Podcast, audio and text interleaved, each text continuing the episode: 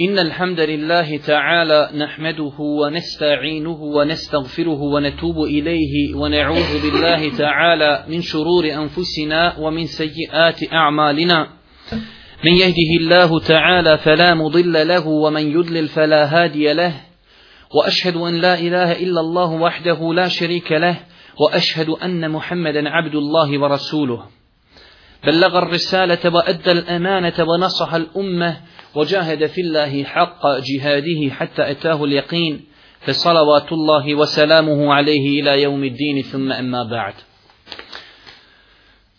Braću moja draga, kao što znate, ovo je četvrto druženje u kojem komentarišemo hadis Džibrila, alaihi salatu wasalam. U prošlom predavanju govorili smo o prvom ruknu temelju vjerovanja, a to je vjerovanje u Allaha subhanahu wa ta'ala. Započeli smo govor o drugom temelju vjerovanja, a to je vjerovanje u Allahova stvorenja meleke. Večera ćemo ako Bog da završiti govor o toj tematici, a već sutra ako Bog da pokušat ćemo kratko i rezimirano govoriti o vjerovanju u poslanike i vjerovanju u poslanice. Kratko i rezimirano ćemo spomenuti samo šta smo spomenuli u prošlom predavanju vezano za ovu tematiku vjerovanju u Meleke. Kazali smo da je to jedan sastavni dio vjerovanja i da vjerovanje čovjeka neće biti ispravno, vjerovanje u Allaha neće biti ispravno osim ako čovjek vjeruje i u Meleke.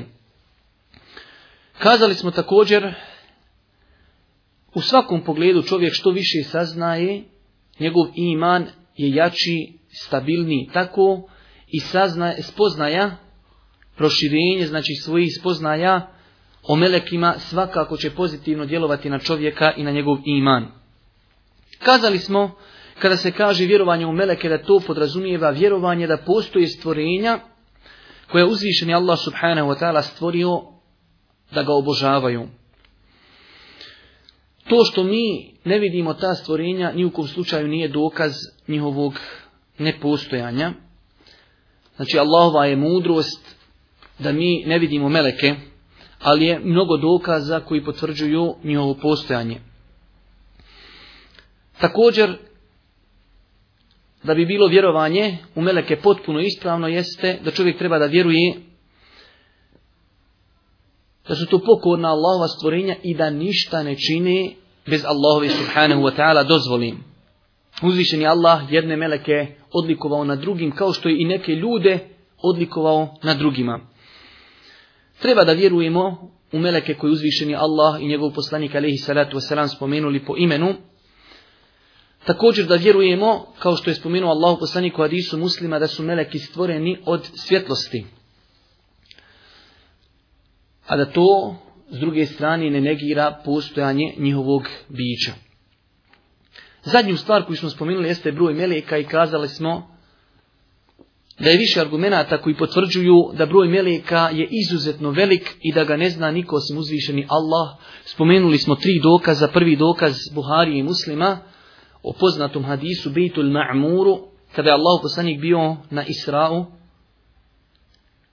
pa je vidio Bejtul Ma'mur Ma za kojeg mu je Džibril kazao da u njega svaki dan uđe 70.000 meleka i kada iziđu iz njega više se neće vratiti u njega do sudnjega dana.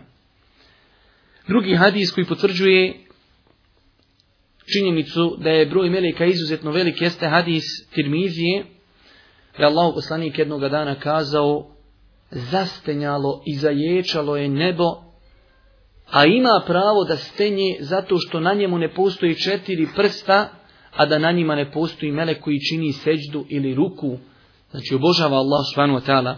I treći hadis jeste hadis također muslima, da će na sudnjem danu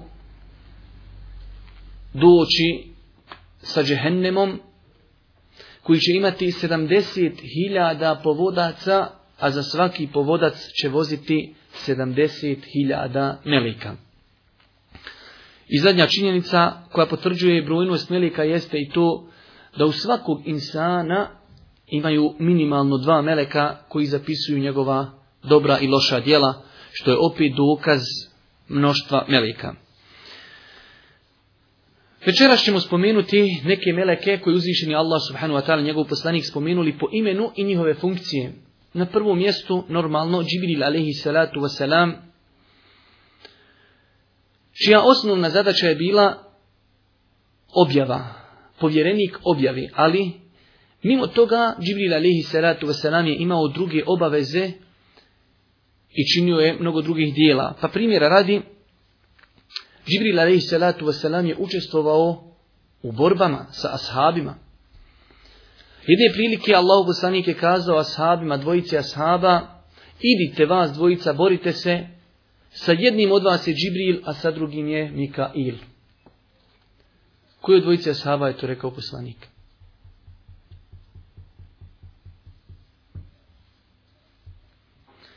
Ebu Bekru i Ali radi Allahu ta'ala anhu kaže idite i borite se sa jednim od vas je Džibril, a sa drugim je Mikail. Također Džibril alaihi salatu wasalam je predvodio Allahu poslanika u namazu Učio je ruki u Allahom poslaniku kada je bio Allahom poslanik obsihren. Također,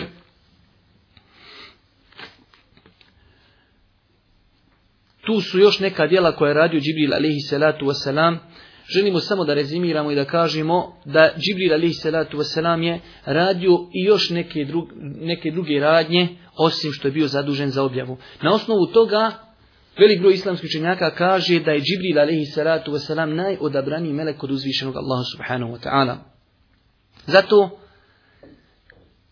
Allah poslanik alaihi salatu wasalam jedne prilike kaže Džibrilu šta te to osporava, odnosno zašto nam češće ne dođeš? Allah poslanik je volio društvo Džibrilovo pa kaže jedne prilike šta je to Zbog čega nam ne dolaziš češće?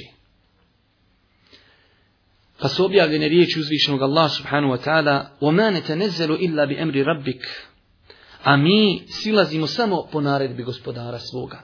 Ovaj hadis znači od Ibnu Abbasa, zabilježi imam Buharija, znači da je Allah poslanik rekao Džibrilu, zašto nam ne duđeš češće u posjetu zjaret?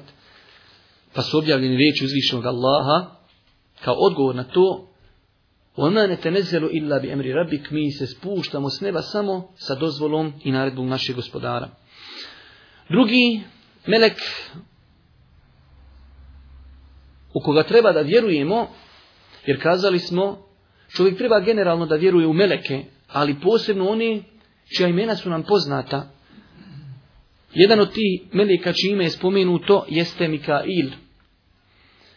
Imam Ibn Kesir, rahmetullah alihi, na osnovu nekih predaja za koje su određeni učenjaci kazali su vjerodostojne, kaže da je on zadužen za bilje i za kišu. Spomenut je u Kur'anu, a spomenut je u hadisima Allahu poslanika alihi salatu wasalam. Također od meleka koji su spomenuti imenom jeste Israfil, koji je spomenut također u Kur'anu, odnosno Israfil je spomenut samo u hadisima Allahu poslanika alihi salatu wasalam. Islamski učenjaci, kao što to navode i neki učenjaci, imaju jednoglasan stav da će Israfil puhniti u rog. Iako, vraću moja draga, ovdje trebate biti malo pažljivi, jer situacija je malo škakljiva, znači, jer konsenzus islamskih učenjaka je nešto veliko. I ne može se čovjek poigravati sa konsenzusom islamskih učenjaka. Ali, znači, postoji vjerodostojni hadisi da postoji melek koji se zove Israfil.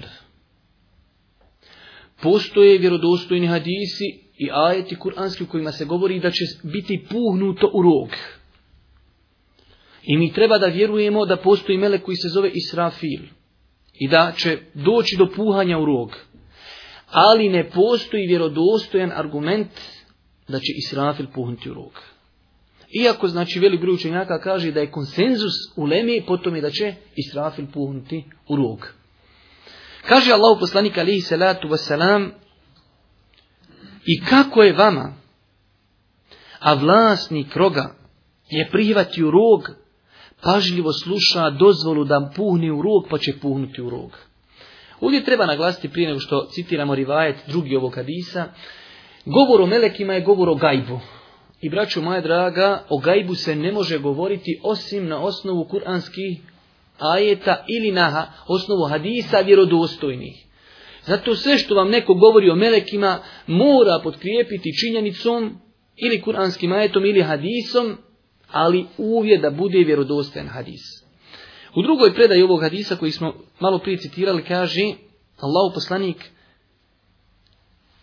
znači govori o vlasniku roga, meleku koji će puniti u rog. On kaže neprestano gleda u pravcu arša i uopšte ne trepće. Uopšte. Stoji i gleda neprestano u pravcu arša. Bojeći se, kaže, da mu ne bude naređeno da puhne u rog prije nego što trepni. Znači, on se boji ako bi trepnuo, možda u tom baš momentu mu uzvišeni Allah naredi da puhne u rog. I on čitavo vrijeme samo gleda u arš. Očekuje nared uzvišnog Allaha subhanahu wa ta'ala. Kaže Allah poslanik na kraju ovog hadisa, njegove oči su kao dvije blistave zvijezde. Hadis je zabilježen imam tirmizi sa vjerodostojnim lancem prenosilaca.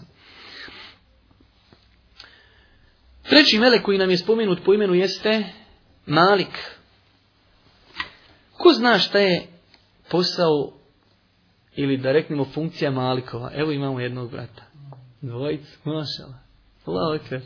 Allah vekar. Interesantno, ona, ja sam mislio da to mnogo više ljudi poznaje. Neki dan sam ovako provjeravao neke, pa sam vidio da ona, nije to baš toliko ni poznato. Malik je, kako je spomenuto u kuransko-hadijskim argumentima, čuvar džehennemske kapije. Kaže uzvišenje Allah subhanu wa ta'ala u suri Zuhruf, وَنَادَوْ يَا مَالِكُ لِيَقْدِ عَلَيْنَا رَبُّكَ قَالَ إِنَّكُمْ مَا كِثُونَ govori o džehennemlijama, pa kaže, oni će dozivati, o malik, neka gospodar tvoj učini da mi umrimo. A on će reći, vi ćete tu vječno ostati. Znači, džehennemlije zovu malika, pošto je on čuvar. Znate, kad je neko u zator, koga će zvati? Možeš zvati prijesednika, direkt, moraš prvo zvati čuvara kod vrata. On kažu, malik, de, zauzimaj se kod gospodara da mi umrijemo, teška patnja, kaže, ne, ostajte vječno. Također, od Meleka, koji su spomenuti, hajde kažemo imenom, a o kojem velik groj ljudi ima pogrešno uvježenje, jeste Melek smrti. Treba da znate, iako je poznato među narodom da se Melek smrti zove Azrail, ne postoji vjerodostojna predaja da se Melek smrti zove Azrail. U Kur'anu i hadismu Allahog poslanika taj Melek se spominje kao Melek smrti. I tako ga učenjaci spominju u svojim dijelima, kažu melek smrti. Kaže uzvišeni Allah, kul je te uafakum melekul meuti, alledhi vukile bikum. Reci melek smrti, koji vam je zato određen, duše će vam uzeti. Melek smrti. Znači, tako ga uzvišeni Allah subhanahu wa ta'ala spominje kao meleka smrti. To su neki meleki koji su spominuti imenom i čovjek bi trebao da vjeruje u njihova imena i svojstva koja smo spomenuli. Što se tiče svojstava Meleka, mnogo je toga što bi čovjek trebao i mogao spomenuti. Sve ovo spominjemo s ciljem kako bi upotpunili naše znanja u Melekima i kako bi ojačali naš iman. Jedno od njihovih svojstava jeste da su izuzetno krupni, snažni. Kaže uzvišeni Allah, Da ne citiramo ajet na arapskom kako bi imali više vremena. O, vi koji vjerujete sebe i porodice svoje, čuvajte od vatre, čije će gorivo ljudi i kamenje biti, o kojoj će se meleki strogi i snažni brinuti. Koji se onome što im Allah zapovjedi neće opirati. O kojoj će se brinuti meleki, kakvi meleki, strogi i snažni.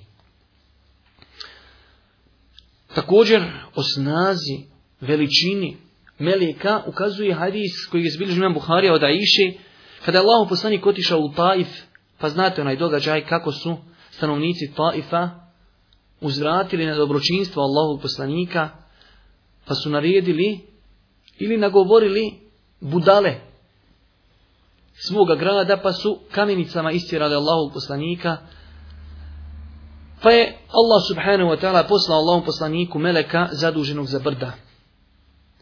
Pa kaže, taj melek, nakon što je nazvao selam Allahom poslaniku, kaže, Mohamede, uzvišeni Allah je čuo riječi tvoga naroda. Ja sam melek brda. Tvoj gospodar me je poslao tebi da mi narediš. Ako želiš, ja ću ih poklopiti sa ova dva brda. Utbika alihimul ahšebejn. Ja ću, kaže, na njih dva brda oko tajfa dić i na čitav tajfa borte. Pa kaže Allahu poslanik alaihi salatu wasalam, ne, već se nadam da će uzvišeni Allah iz njihovih kičmi izvesti narod koji će obožavati samo Allaha, ne pripisujući mu sudruga. Ovaj hadis također ukazuje i potvrđuje činjenicu da su meleki jaki, veliki. Također, istu činjenicu potvrđuje hadis koji je zabilježen imam Ebu Davud, se vjerodosnim lancem prenosilaca, kaže Allahu poslanik, dobio sam dozvolu da govorim samo o jednom meleku koji nosi arš. Samo jednom. Kaže razdaljina i prostor između e ove resice uha i vra i ramena. Znači u čovjeka je to pedalj. Kaže prostor kod njega ta je što mislite koliko? Kaže Allah poslanik alaihi salatu wasalam udaljeno 700 godina. U jednom rivajetu postoji 700 godina ptičijeg leta. To je prostor, veličina meleka koji nosi arš, hadis i zabilježi imam Ebu Davud od Džabira radi Allahu ta'ala anhu sa vjerodostim lancem prenosilaca. Također od svoj stava, i vidite ovi, ovi hadisi kada čovjek sluša, zasigurno jačaju čovjeku iman. Jer zamislite, ako su to stvorenja tako jaka, tako čvrsta, tako velika, kakav je onda i koliki je onda gospodar. A to kažemo, ovo jesu edukativna predavanja i nama su potrebna edukativna predavanja, ali edukativna predavanja su predavanja koja na kraju krajeva istinski ostavljaju traga na čovjeka. I to je ono što će čovjeku trebati kroz njegov svakodnevni život. Također, od svojstava Melika jeste i to da Meleki imaju krila. Pa smo spominjali onaj prošli put kuranski ajet u suri El Fatir, prvi ajet, i Allah Đelšanu kaže, hvalje neka je Allah e, stvoritelj nebesa i zemlje, koji meleke sad po dva, tri ili četiri krila čini za slanicima. Znači, jasan ajet da meleki imaju krila, a poznate i vjerodostojni hadis da Allah poslanik vidio Džibrila, alaihi salatu wasalam, i da ima šestotina krila. Od svojstava meleka jeste i to da ne jedu, ne piju i da se znači ne ženi, ne udavaju se. Više argumenta koji potvrđuju činjenicu da meleki ne jedu i ne piju, a jedan od tih dokaza jeste poznati događaj kada su meleki došli Ibrahimu alihi salatu wasalam. O tom događaju možete naći na više mjesta u Kur'anu, govor u suri Hud, u suri Zarijat. Kaže, i Ibrahimu smo i zaslanike naše poslali da mu radosnu vijest donesu selam, mir, rekoše oni, Ibrahim. Mir, selam i vama, odgovori Ibrahim. I ubrzo im doneče, donese pečeno tele. Pogledajte, dočeka Ibrahim alihi salatu wasalam, dolazi gost, selam alik alikum selam, bujrum. Kaže, malo je prošlo vremena, čitavo tele im donio pečeno. Kaže, a kada vidje da ga se ruke njuve ne dotiču, on osjeti da nisu gosti. I obuzi ga neka zebnja od njih. Ti se ne boj, rekoše oni, mi smo lutovu narodu poslani. Či znači, ovaj hadis jasno ukazuje, kažem, donio tele, ali pečeno, njihove ruke ga ne dotiču. Znači, ne jedu, nemaju potrebe za jelom. Također, meleki imaju moć, znači od njihovi svojstva jeste, da imaju moć pretvaranja, da se pretvori u insana. Znači, kada već govorimo o pretvaranju melika, nije zabilježen vjerodostojan hadis ili argument, ne postoji da su se meleki pretvarali u bilo šta osim u insana. Što opet ukazuje na plemenitost insana. Melek se ne pretvara ni u šta osim u insana. A s druge strane ne postoji validan argument da se pretvarali ikad u žensko. Jedino što se pretvarali u muškarci prva stvar samo u insane, a druga stvar ne obuhvata to i muški žen, samo muškarce.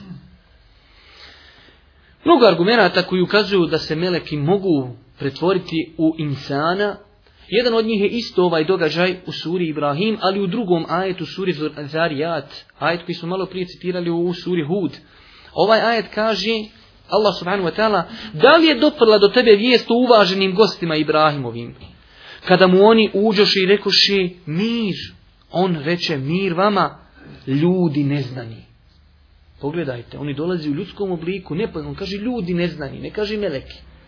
Znači oni su pretvorili se u ljude pa su došli Ibrahimu alihi salatu wasalam. Također, žao mi što ne mogu citirati ove ajete na arapskom zbog skućnosti s vremenom, poznati događaj sa Merjemom kada uzvišen Allah govori o tom slučaju o Merjemi pa kaže ispomeni u knjizi Merjemu kada se od ukućana svojih na istočnu stranu povukla i jedan zastor da bi se od njih zaklonila uzjela. Mi smo k njoj Meleka Džibrila poslali i o njoj se prikaza u liku savršeno stvorena muškarca. U liku savršeno stvorenog muškarca. Utječem se milostivom od tebe ako se njega bojiš, uzviknu ona. A ja sam upravo i zaslani gospodara tvoga, reče on, da ti poklonim dječaka čista. Znači vidimo ovdje uzvišenje Allah opisuje Džibrila alaihi salatu wasalam da se pomolio, pojavio pred Marijemom u obliku lijepo savršeno stvorenog muškarca. Hadis koji komentarišemo, hadis Džibrila je također argument da je došao Džibrila alaihi salatu wasalam u ljudskom obliku. U obliku kojega Sava Džibrila alaih selam je najčešće dolazio? Ovo kviz pitanje. Jedan Asav je bio izvjetno lijep. I Džibril alaih salatu selam je najčešće kada bi dolazio, dolazio u njegovom liku. Asav se zove Dihje el Kelbi. Radi Allahu ta'ala anhum. Hadis o tome je zabilježio ima muslim da se Džibril alaih salatu selam najčešće pojavljivao u liku ashaba koji se zove Dihje el Kelbi. Nekada se znalo desi da Allah poslanik sa njim razgovara, a Aisha ili neka žena Božeg poslanika gleda razgovor. Pa kada ode Džibril, kaže, znaš li ko ono? Pa kaže, znam, ta ashab, taj, taj, ne kaže, to je Džibril, ali i to se nam bio. Pogledajte ovdje interesantne stvari, kako islamski učenjaci, kako razmišljaju i kako su to onaj ljudi koji su uložili mnogo truda da bi ljudima pojasnili propise vjeri. Jedan od argumenta koji ukazuju da su meleki u osnovi lijepa stvorenja jeste i to da se Džibril pokazivao samo u obliku ovoga saba koji je izuzetno lijep. Ali postoji drugi argument u Kur'anu da su meleki lijepa stvorenja. Ovo stvarno ko znadni, ta je zaista onaj veliki šeheh. od prija ljudi imaju ubjeđenje da su meleki lijepa stvorenja. Od prija. A i danas dan. Ljudi vjeruju da su meleki lijepa stvorenja. Iako ne postoji jasni dokaz. Ali ljudi imaju ubjeđenje da je melek lijep. Jedan od tih argumenta koji kazuju indirektno da su meleki lijepi jeste događaj sa Jusufom a.s. Vi znate kad je Jusuf a.s. bio u zatvoru. Prije toga, Koliko je Jusuf bio lijep? Lijep, pola ljepote. Ali je li rodostajan taj hadis? E, to je veća matematika. Hadis je rodostajan. Danas sam Maksuz napravio jednu studiju tražić taj hadis. Kaže Allah poslanik, U'ti je Jusufu šator al-husn. Jusuf je dobio polovinu ljepoti.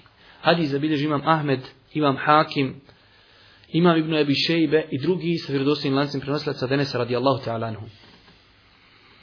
Ima u rivajetu da Jusuf i njegova majka zajedno dobili pola ljepote. Jusuf, kada ga je žena onog njegovog vlasnika pozvala na blud i on to odbio, pa su ga zbog toga zatvorili, i onda žene ko žene počele po gradu pričat, u, ona pozvala Jusufa na blud. I onda ona jedan dan šta, pozove te žene, hajte, kaže, kod mene na sjelo. Kad su došle, dadne im noževe u ruke i onda njemu kaže, haj sad uđi. Kada je on ušao, zbog njegove ljepote, one su se porezale po rukama i kažu, Maha bešara, ovo nije bešar, ovo nije insan. In hada illa melekun kerim, ovo je melek. I tu je pojenta da su meleki lijepi. Kaže se u kuranskim ajetima, i kada ona ču za ogovaranja njihova, znači žene njihove, čula je za ogovaranje, pa kaže, posla po njih te im priredi divane. Dade svakoj od njih po nož i reče, izađi pred njih. A kad ga one ugledaši, zadiviše se ljepoti njegovoj i po rukama svojim se porezaši. Bože, Bože, uskliknuši, ovo nije čovjek ovo je melek plemeniti. Sura Jusuf 31. ajet. Ibadeti meleka, što se tiče ibadeta meleka, znači kazali smo ibade, meleki su stvoreni, da obožavaju Allah Đelešanuhu, između ostalog poznat je, znači stranica u suri El Bekara, treća, četvrta, kako ko, kaže وإذ قال ربك للملائكة إني جعل في الأرض خليفة كذا الله سبحانه وتعالى ركا وملك ما ياجنا زملي ناميسنيك وشنت كاجو زرچك نا زملي وشنت ناميسنيك ونوغا كوشي كرب بروليفاتي أمي تبي تسبي سبحانه متمي تبليشام غسبدارو U drugom kuranskom ajetu kaže uzvišeni Allah kada govori o melekima i njihovom ibadetu, a oni koji su kod njega ne zaziru da mu se klanjaju, i ne zamaraju se hvalići ga noću i danju, ne malaksavaju. Znači, oni ne mogu sustati. Cijeli dan, cijeli život Allaha veličaju i ne mogu se umoriti. Također, jedan od ibadita interesantan, i mi smo o tome govorili nekada davno, jeste ibadet dovi. Oni dovi Allahu subhanu wa ta'ala, ali kazali smo da je njihova dova, inša Allah, kod Allaha makbul, jer su oni Allahova pokorna stvorenja. Pa je mnogo ti dijela za čije počinjivac oni dovi. Pa smo mi o tome govorili dva predavanja na koga meleki salavate donosi ili blagosiljaju. Pa možemo kazati oni istikvar dovi traži za onoga koji je krenuo putem traženja znanja. Onoga ko sjedi u džami i šekivajući namaz. Onoga ko klanja u prvim safovima onoga ko popunjaje safove, onoga ko djeluje i metak na Allahom putu, one koji su ustali na sehur, dove za postače u čijem prisustvu se jede, dove za onoga ko obiđe bolesnika 70.000 meleka. Aminaju na dovu brata muslimana za brata muslimana i aminaju na dove koji se uče kod bolesnika. Ima još tu neki onaj dijela, ali ovo je nešto rezimirano. U nastavku ćemo kratko, ako Bog da, i time ćemo od prilike završavati ovo naše druženje, spomenuti neke funkcije koje obavljaju meleki. Pa primjera radi, određen broj meleka je zadužen da nosi arš uzvišenog Allaha subhanahu wa ta'ala, kao što govori o tom je uzvišen Allah u suri Mu'min meleki koji nosi arš i oni koji su oko njega veličaju i hvali gospodara i vjeruju u njega i moli da bude oprošteni grijesi vjernicima. Znači ovdje jasno vidimo da Allah Žešanu govori da meleki koji nosi arš da veličaju Allaha, da vjeruju u njega i da dove Allahu da bude oprošteno onima koji vjeruju. Također, od funkcija i dijela koje rade meleki jeste da čuvaju džennet i džehennem. Interesantno je pročitati u suri Zumer u zadnjim ajetima kada Allah Đelešanu govori i izuzetno ajeti poučni gdje kaže وَسِيقَ الَّذِينَ تَقَوْا رَبَّهُمْ إِلَى الْجَنَّةِ زُمَرَا I oni koji su se gospodara svoga bojali u povorkama će u džennet biti povedeni. I kad do njega dođu, a kapije se njegove već širom otvorene, Čuvari njegovi će im reći, mir vama od grijeha se čisti. Čuvari njegovi će reći. Znači, ovdje spominjemo ovaj kuranski ajet, iz kojih vidimo da meleki čuvaju džennet. Poznat je hadis kojeg izbilježava muslim od Enesa, jer kaže Allah poslanik, ja ću doći pred džennet i zatražit ću, zakucat ću na vrata, da se otvore vrata, pa će kazati melek, ko je? pa ću reći Mohamed, kaže naređeno mi da ne smijem otvoriti nikome prije tebe. Prva osoba koja će ući u džennet je Mohamed alihi salatu wasalam. S druge strane, meleki čuvaju i džehennem i isti kuranski ajeti prije ovih koji smo u džennetu govorili, 71. i 72. govori o džehennemu, a 73. o džennetu. Pa kaže, وَسِيقَ الَّذِينَ كَفَرُوا إِلَى جَهَنَّمَ زُمَرَ Oni koji nisu vjerovali u gomilama će u džehennem biti natjerani. I kada do njega dođu kapije njegove će se pootvarati i čuvari njegovi će im upitati, zar vam nisu dolazili poslanici koji su vam ajete gospodara vaše kazivali? Znači, vidimo i ovdje kada dođu ljudi do džehennema, da će već kapije biti otvorene, a da će razgovarati sa čuvarima džehennema. Neki meleki su zaduženi i za oblake i za kišu. Svima vama je poznat onaj događaj koji smo mi više puta na, na predavanjima spominjali, koji je zbilježi ima muslim. U pa jedne prilike čovjek išao kroz pustinju, pa je, kaže, začuo na nebu glas gdje kaže ispusti vodu, zali vodu tog i tog, zali baštu tog i tog s vodom iz oblaka, naredba oblaku, idi, zali baštu tog i tog. Kaže, pa je vidio oblak ode i kiša pade. Kaže, pa je otišao tamo, zatekao je čovjeka, jer voda je pala na brdo. Iz brda ide dole prema bašti. A čovjek dole sa motikom razvodi vodu po palmoviku. U nije nikakva bajka, hadise u muslimu ponavljam. Pa kaže, taj čovjek vlasniku bašti, kako se zoveš Allahov robe? E, veli, šta sad odmah? Pravo, kako se zoveš? Što kaži? Malo prije sam, kaže, čuo, dok sam bio u pustinji, na nebu glas koji kaže, idi i ispusti vodu na baštu tog i tog. E, kaže, ako je već tako, ne mogu izbjeći odgovor, kaže, ja se zovem tako i tako. Po imenu, kojeg je spomenuo ovaj da je čuo naredbu da se na njegovu baštu saspe voda iz tog oblaka. Pa kaže Allahov robe, čime si to zaslužio? Kaže, kad već moram kazat, ja kaže, sve što ovo uzmem iz ove bašte od plodova, trećinu dadnim sadaki, trećinu ja i porodca pojedimo, a trećinu ponovo zasijem. Neki su zaduženi meleki za planine, kao što smo vidjeli u hadisu Haifa. Neki su zaduženi da čuvaju Meku i Medinu. Jer znate kada smo govorili o Deđalu, kao što je u hadisu Buharije, da je rekao Allah poslanik, ne postoji mjesto u koje neće doći Deđal osim Meka i Medina. Na svakom ulazu u njih se nalazi Melek sa isukanom sabljom. Ti Meleki čuvaju Medinu i u nju ne može ući Meku i Medinu, u njih ne može ući Deđalu. Na tom tamo predavanju smo kazali da postoji predaja da Dejjal neće ući još u dva mjesta. Šeha Albani je vjerodostim ocjenio taj hadis da, me, da Dejjal neće ući u Bejtul Maktis i Tur, brdo Tur. Je Musa alihi salatu wasalam razgovarao sa gospodarom. Također imaju meleki koji su zaduženi za Šam, Kaže Allahu poslanik Tuba li Šam inne mela inne mela iketa rahmeti basitatun ejnihataha alejha. Blagoli se Šamu, kaže Allahu poslanik alejhi selam. Zaista meleki milosti širije svoja krila iznad Šama.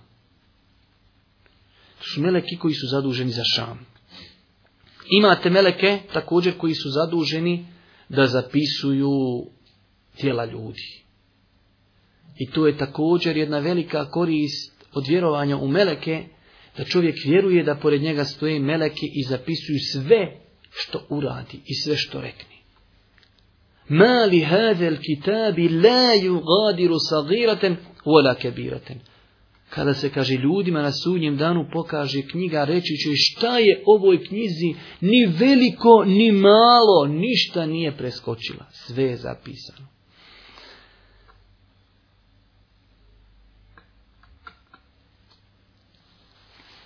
Ima interesantan ajet u suri Jasin koji govori o tome.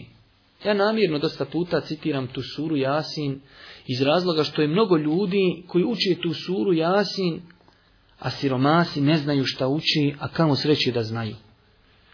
Kaže uzvišeni Allah, inna nahnu nuhjil mevta, wa nektubu ma qaddemu wa asarahum, wa kulle še'in ahsajnahu fi imamim mubinu mi ćemo zaista mrtve oživjeti.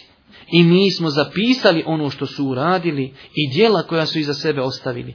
Sve smo mi to u knjizi jasno pobrojali. I na kraju rezimirano, braću moje draga, čovjek treba da vjeruje u meleke kao Allahova stvorenja, koja ne čini ništa osim sa dozvolom uzvišenog Allaha subhanahu wa ta'ala da vjeruje u imena onih koji su spomenuti i njihova dijela i funkcije Također naše je vid obaveze prema melekima da ih spominjemo po dobru. Kao što, kao što su to spominuli neki islamski učenjaci. Zbog njihovi pokornosti prema uzvišenom Allahu. A što se tiče plodova vjerovanja u meleke, mi smo spominjali kroz predavanja neka od plod, neki od plodova vjerovanja u meleke. Definitivno znači čovjek dobro poznavajući ovu tematiku, vjerujući u meleke, sigurno će potpunije i bolje obožavati svoga gospodara, a što je na kraju krajeva i glavni cilj naših postojanja na Dunjalku. Molim Allah Đelešanuhu da ono što smo čuli na ovom druženju bude dokazom za nas, a ne protiv nas. Molimo ga Subhanu wa ta'ala da nas učvrsti u ovim teškim vremenima, da nas podući propisima naše vjere, da olakša našoj braći muslimanima i na kraju subhaneke Allahumma wa bihamdike ashhadu an la ilaha illa anta astaghfiruka wa atubu ilayk